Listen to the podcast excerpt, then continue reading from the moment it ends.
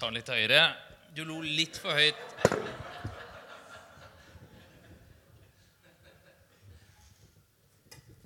Henrik lo litt for høyt, egentlig, men eh, det er greit, det. Fint å være her sammen med dere igjen. Jeg har jo vært her noen ganger før, men jeg tror ikke jeg har vært her siden eh, koronapause. Eh, Så flott. Takk for det, Morgan. Og for å pelle deg hjem og lese boka etterpå, så blir det her bra, det. Jeg skal snakke litt om å komme hjem. da. Eh, Knut Hamsun han sa det at mennesket kommer, skal ikke komme alle steder fra, det skal komme hjemmefra. Eh, Og eh, Det er jo en skjebne alle mennesker deler, at vi kommer fra et sted, vi er på vei til et sted, vi blir født og vi dør, vi har utfartstrang og hjemlengsel. Og når jeg snakker om hjemlengsel, så er det liksom ikke mammas kjøttkaker eller hytta jeg snakker om, men det er denne litt sånn dypere allmennmenneskelige følelsen av å kjenne på en lengsel etter noen eller noe.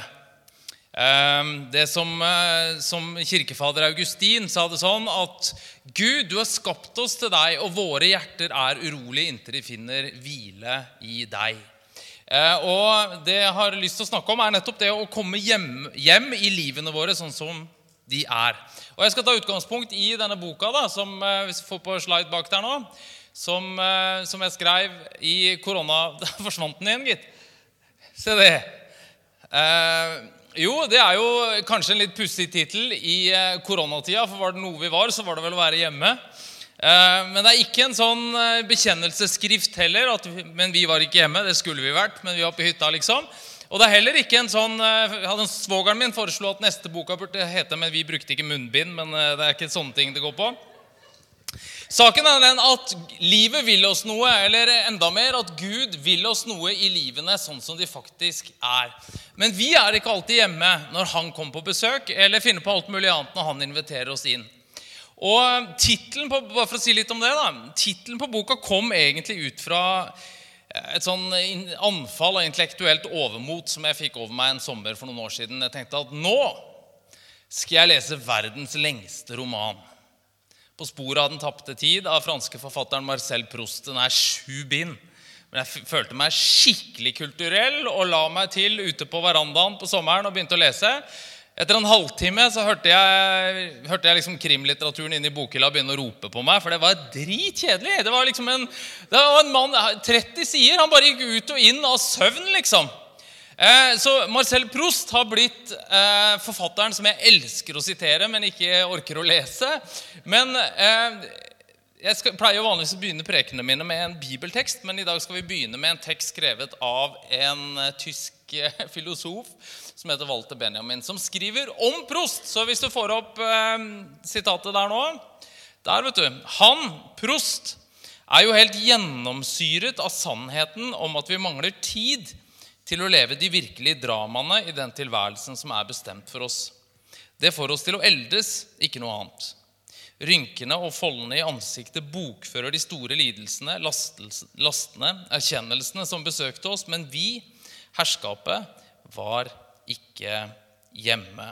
Så det jeg har lyst til å snakke om, er at vi må komme hjem og være til stede i livene våre sånn som de faktisk er, og ikke bare som vi skulle ønske at, dem, at de var. Å finne både oss selv og Gud eh, i de livene vi faktisk har. Og La meg begynne med den første delen av eh, dette sitatet, hvis du klikker en gang til. Nettopp dette som handler om dramaene i den tilstedeværelsen som er bestemt for oss. For saken er den at Gud møter oss og former oss i livene våre sånn som de er. Og livene, du sant, det er jo oppturer, og det er sommersol. Men det er nedturer og bæsjebleier og momsoppgjør og alt mulig annet dritt også. Og i alle disse tingene så kommer Gud nær og møter oss. Og her tror jeg det er en fare i vår tradisjon. Og jeg er jo pinsevenn. Jeg mener jeg jobber på en pinsehøyskole. Jeg forsker på pinsebevegelsen.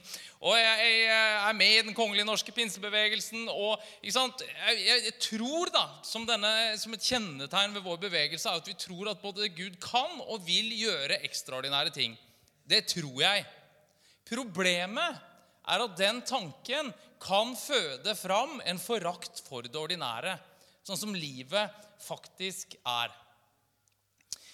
For da blir det jo sånn at vi verken finner Gud eller oss selv i disse vanlige hverdagene som det tross alt er flest av, og det kan fort da bli en sånn uheldig dualisme eller sånn motsetningsforhold liksom mellom peak experiences og det ekstraordinære og det helt vanlige.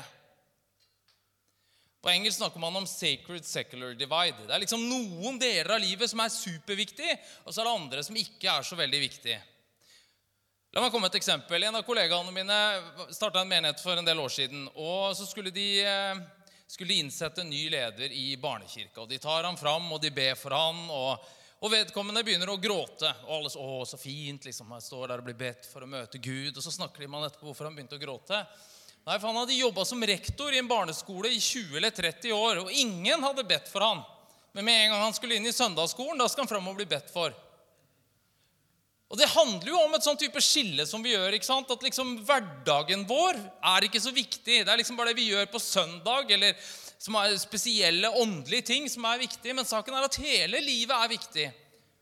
Og alt vi går igjennom, også de tingene sier ikke at Gud sender oss alle mulige forferdelige ting, for det tror jeg kan gjøre. Men Gud er der, og det former noen ting. Og vi trenger å finne Gud i livet sånn som det er. Vi må ordinere det ordinære. Vi kan ikke bare finne Gud i det ekstraordinære og spesielle. For saken er at Gud kommer ikke bare i det ekstraordinære med store bokstaver og krigstyper. Gud kommer i det vanlige. For det er nettopp i skjæringspunktene mellom oppturene og nedturene at livet skapes og blir til.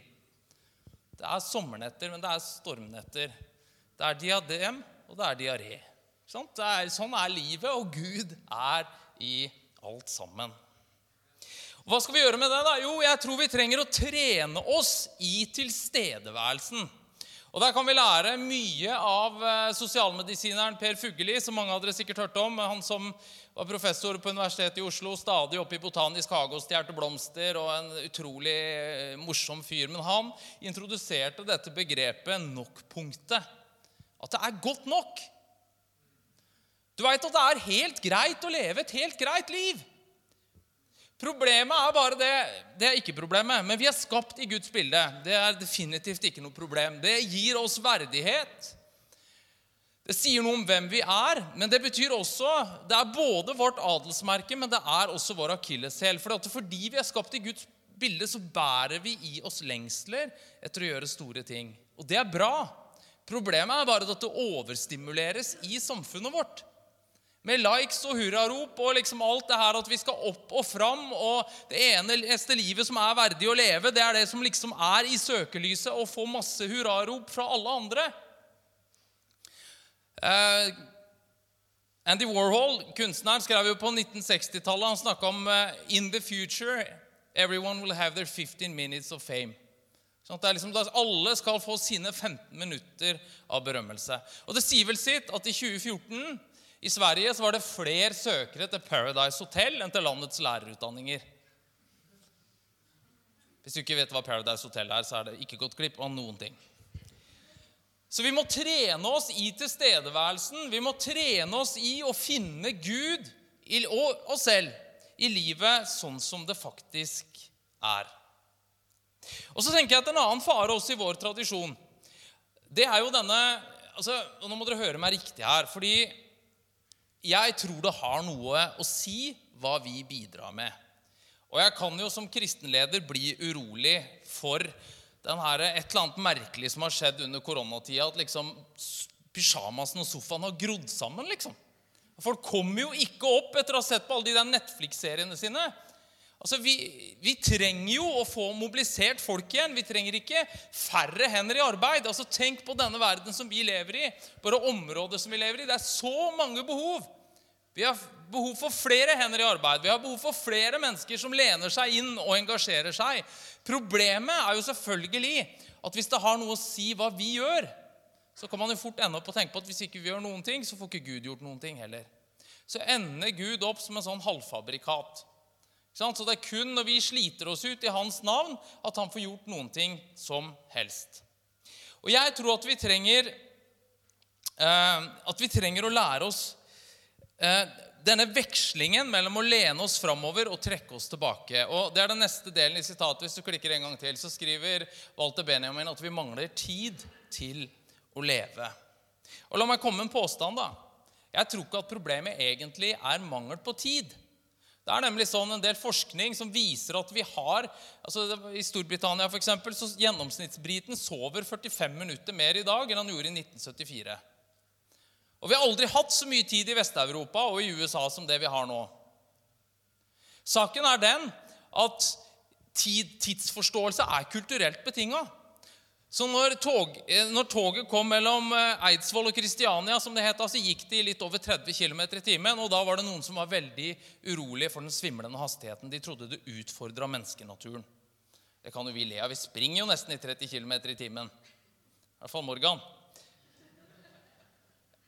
Så saken er at det, Vi kan jo føle at vi sitter i tidsklemma hele tida, men hva skal vi gjøre med det? Jeg blir jo litt redd når folk sier at de skal bare ta tilbake tida.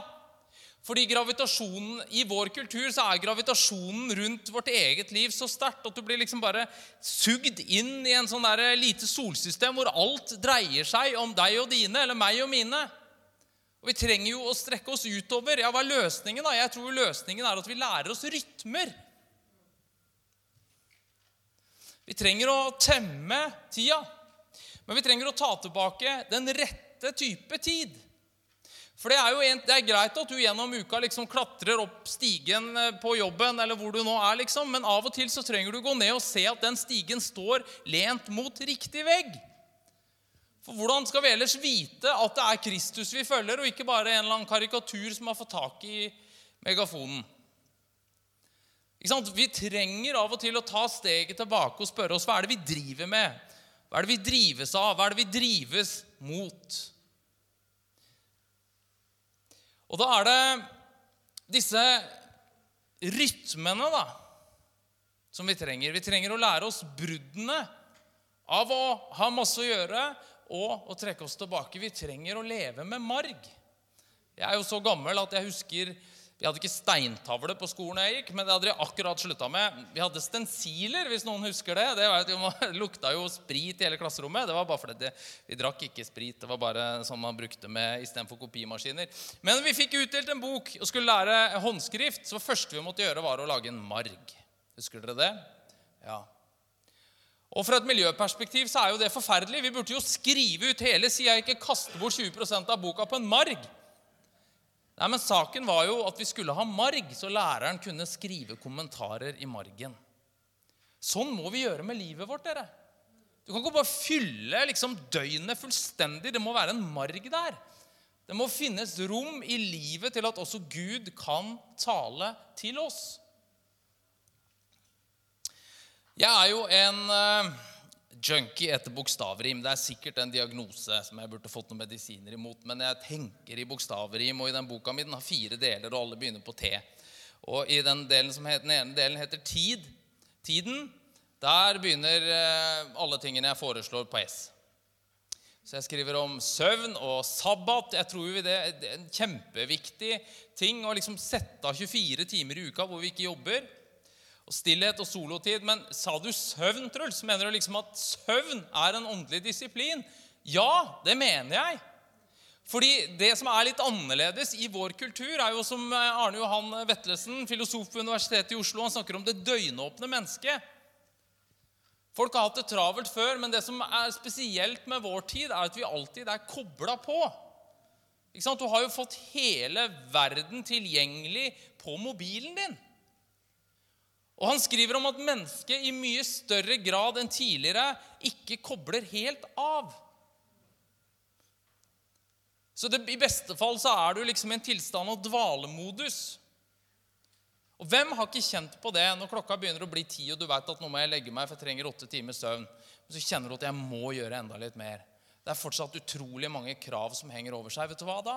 Å tenke på søvn som en åndelig disiplin som en øvelse i tro til Gud. At når jeg legger ned mitt liv og mitt virke, så holder Gud fortsatt verden oppe. Og En veldig veldig klok mann som jeg holder på å bli kjent med har blitt veldig glad i, heter Leif Gunnar Engedal. Han har vært leder på Modum Bad og professor på MF. og Han sier at vi må lære oss å akseptere grensene våre. Begrensningene våre er ikke en del av fallet, det er en del av skapelsen. Og Hør på dette her hvis du klikker en gang til nå. Å bli trøtt og ikke makte mer, å kjenne grensene for egen yteevne og si nei og skuffe andres forventninger, alt dette er i utgangspunktet skapelse, ikke synd. Det skal mottas i takknemlighet, ikke bekjennes som svik. Vi må øve oss i å elske grensene, ikke forakte oss selv i dem. Vi er lagd av støv, ikke av stål, og vi trenger å erkjenne det. Og finne Gud og oss selv i livet som vi faktisk lever. Og dere, så trenger vi også en annen S. Vi trenger stillhet. Vi trenger solotid, som noen har kalt det. Solitude på engelsk. Vi trenger tid alene. Et av favorittsitatene mine er av en indisk eh, aktivist som heter Hati Roy. og Hun sier at som en, en ny verden er ikke bare mulig, hun er allerede på vei. På en rolig dag kan jeg høre henne puste. På en rolig dag. Altfor ofte er det eneste vi hører peset fra vår egen fra, fra, fra kravene rundt oss. Og Dere, skal vi forandre verden i Jesu navn, og det tror jeg vi skal.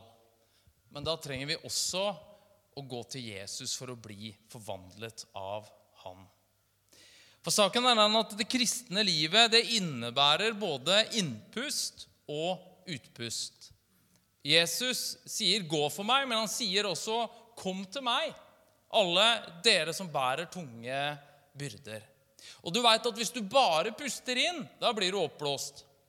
Og Det er jo problemet med en del kristne som bare går på konferanser. og sånn. Du bare sitter og Ja, men det går ikke. Men hvis du bare puster ut, da blir du utslitt. Men vi trenger begge deler. Vi trenger rytmer av å strekke oss ut og søke å påvirke verden rundt oss. Men vi trenger også å, blokke ut tid til å trekke oss tilbake. For Gud både søker oss og sender oss. Problemet er at vi fort havner i en av grøftene. Så her borte har vi de, her er liksom de proaktive og de som skal få gjort noen ting. ikke sant? De som hører på bok og mindfulness på dobbel hastighet og ikke for sitt bare liv kan forstå hvorfor én kvinne må være gravid i ni måneder. Kan ikke ni kvinner ta en måned hver, liksom, og så blir vi ferdig med det her? Ja, De trenger å lære seg å roe ned. Og her borte her har vi den åndelige spa-avdelingen. Her er de kontemplative som driver med, med åndelig formasjon. Jesus, meditasjon og urtete. ikke sant? Og, ja, men Jeg har truffet noen på retreater og tenkt at du trenger ikke en retreat til. Du trenger en støvel i baken og begynne å gjøre noe. For saken er at Vi trenger en balanse her. Vi trenger begge deler. Vi må være mennesker som søker å påvirke verden rundt oss i Jesu navn, men vi trenger også å sette grenser for oss selv og anerkjenne våre egne grenser. Takk for det. Så dere, skal vi komme hjem Og nå snakker jeg ikke om å komme til himmelen. Men skal vi ikke sant? vi skal ikke bare komme til himmelen når vi dør, vi skal ha mer av himmel på jord når vi lever. Og skal vi komme hjem i Gud i oss selv, så tror jeg at mystikeren og aktivisten må finne sammen. Og så må vi gå i deres felles fotspor. Og en som har skrevet veldig veldig godt om dette her, det er en uh, opprinnelig nederlandsk, men jobba mye i USA, Henrik Nauen. Eh, psykolog, teolog, Eh, han eh, har skrevet masse gode bøker, men en av dem som heter hvis du klikker en gang nå, som heter eh, The Living Reminder, så snakker han og introduserer et begrepspar som jeg tror er som har gitt meg veldig veldig mye, og litt språk for dette. her. For Han snakker nemlig om to bevegelser, eller to typer tjeneste. Hvis du trykker en gang til. Så er det den første Og enda en gang. Jeg har lagt inn litt mange trykk der. Trykk et par ganger til. Der. Der var vi. Jo, det eneste er, det ene er det han kaller 'ministry of presence'. Altså tjeneste gjennom nærvær. Det er når vi er nær andre mennesker, når vi er aktive, vi er handlingsorientert. Og dere, vi trenger det. Vi trenger å være nær mennesker. Vi har en verden med så store behov. Vi kan ikke bare vende oss bort fra den. Men så skriver han også om 'ministry of absence'. Tjeneste gjennom fravær som dreier seg om å trekke seg unna mennesker, om å være ventende, kontemplativ, og bruke tid i undring og tilbedelse. Og Har du lest litt i evangeliene, så ser du nettopp dette mønsteret i Jesus sitt liv. Jeg mener, Han er på ballen. Han sitter ikke og bare driver med Jesus-meditasjon. Det var kanskje ikke så rart siden han var Jesus. Men han sitter jo ikke bare for seg sjøl. Han er jo rundt og gjør ting hele tida. Men så trekker han seg tilbake. Så gikk han ut i ødemarken for å være alene med Gud. Så sier han til disiplene, 'Kom med meg.' Vi trenger å hvile. Vi trenger begge deler. Vi trenger å strekke oss fram, strekke oss ut, men vi trenger også rytmer av å ta vare på oss selv og trekke oss tilbake. Og dere, jeg tenkte jo lenge sånn som dette her, at det er klart jeg må bruke tid aleine med Gud. Hvis ikke så har jeg jo ikke noe å gi til noen andre. Men da blei jo Gud plutselig bare en sånn instrumentell greie da, som jeg skulle komme til for å ha noe å gi til andre. Tid med Gud er ikke noe du gjør for tjeneste. Det er tjeneste. Det å bare være sammen med Gud er tjeneste.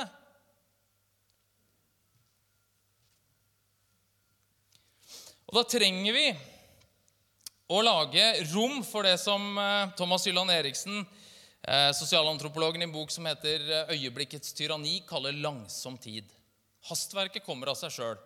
Og Det er jo fantastisk at noen ting går fort. Altså Takk Jesus for rundkjøringer og oppakka salat og en hel masse andre greier. Det er fint, De som, det som kan gå fort, det, det, det, er bra går fort. Men alt er ikke skapt for å gå fort. Altså Noen ting er skapt for å gå sakte. Du skal ikke komme deg gjennom en solnedgang som en bruksanvisning fra Ikea. liksom. Eller en Beethoven-symfoni som det var en tunnel på Vestlandet. Det er liksom Noen ting skal gå sakte. Og du trenger rytmer for begge deler. Så dere, han som sier 'kom til meg', sier også 'gå for meg'. Og jeg syns jo Turistforeningen treffer klokkeklart i hva det er å være menighet, i sitt slogan 'Meld deg inn, kom deg ut'. Det er liksom, det er, det, det er jo det menighet er. Meld deg inn, kom deg ut. Eh, ikke sant? Vi, vi, det er en del av det kristne livet. Vi samles og vi sendes. og Det trenger vi å gjøre som fellesskap, og det trenger vi også gjøre i våre egne liv. Og Jeg har lyst til å avslutte med å gjenfortelle en av de mest kjente fortellingene om hjemkomst i Bibelen.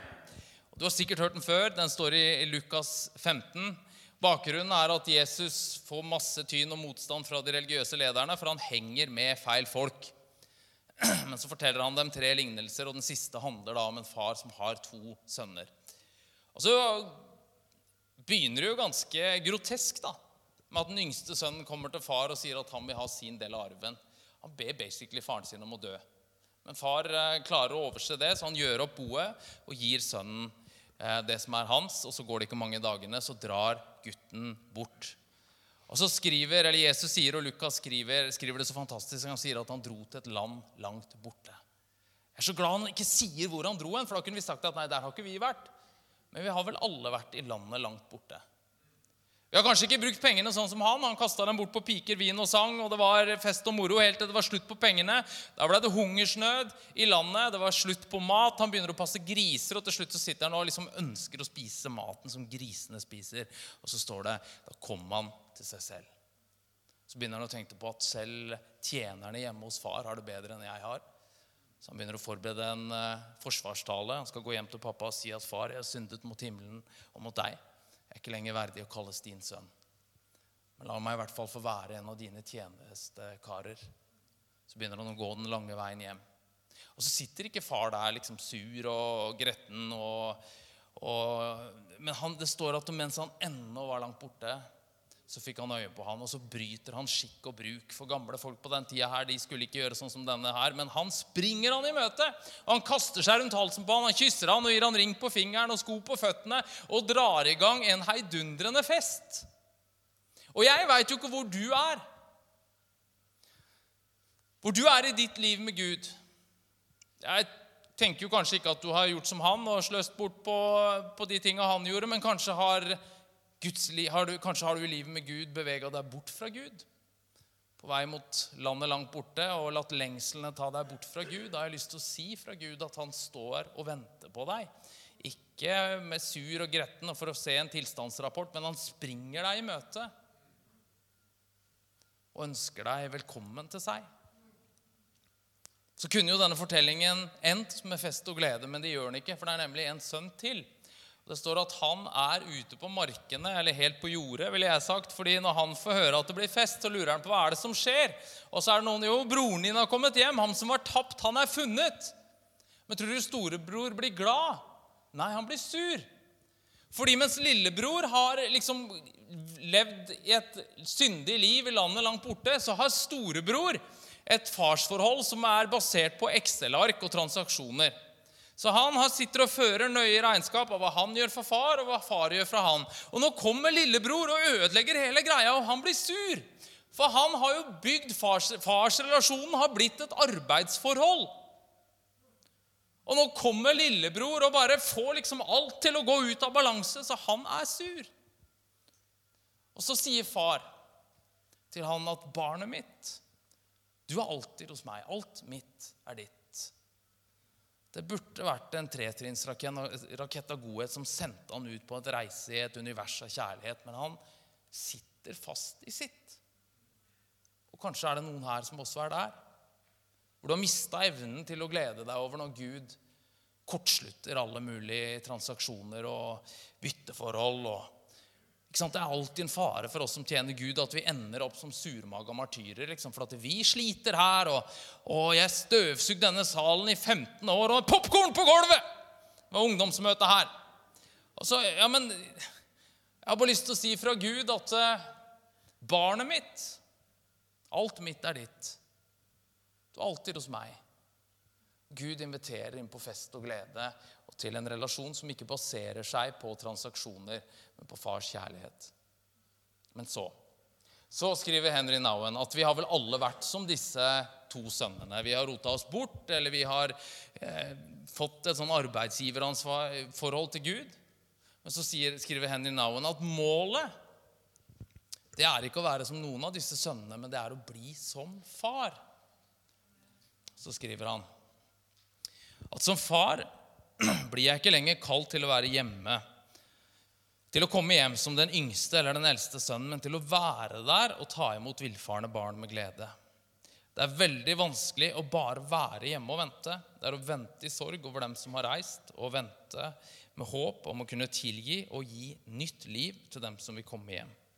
Å leve ut dette åndelige farskapet eller morskapet krever den radikale livsholdningen å få bli hjemme. er det å komme hjem i livet, komme hjem til Gud, det er ikke å bli hjemmesitter.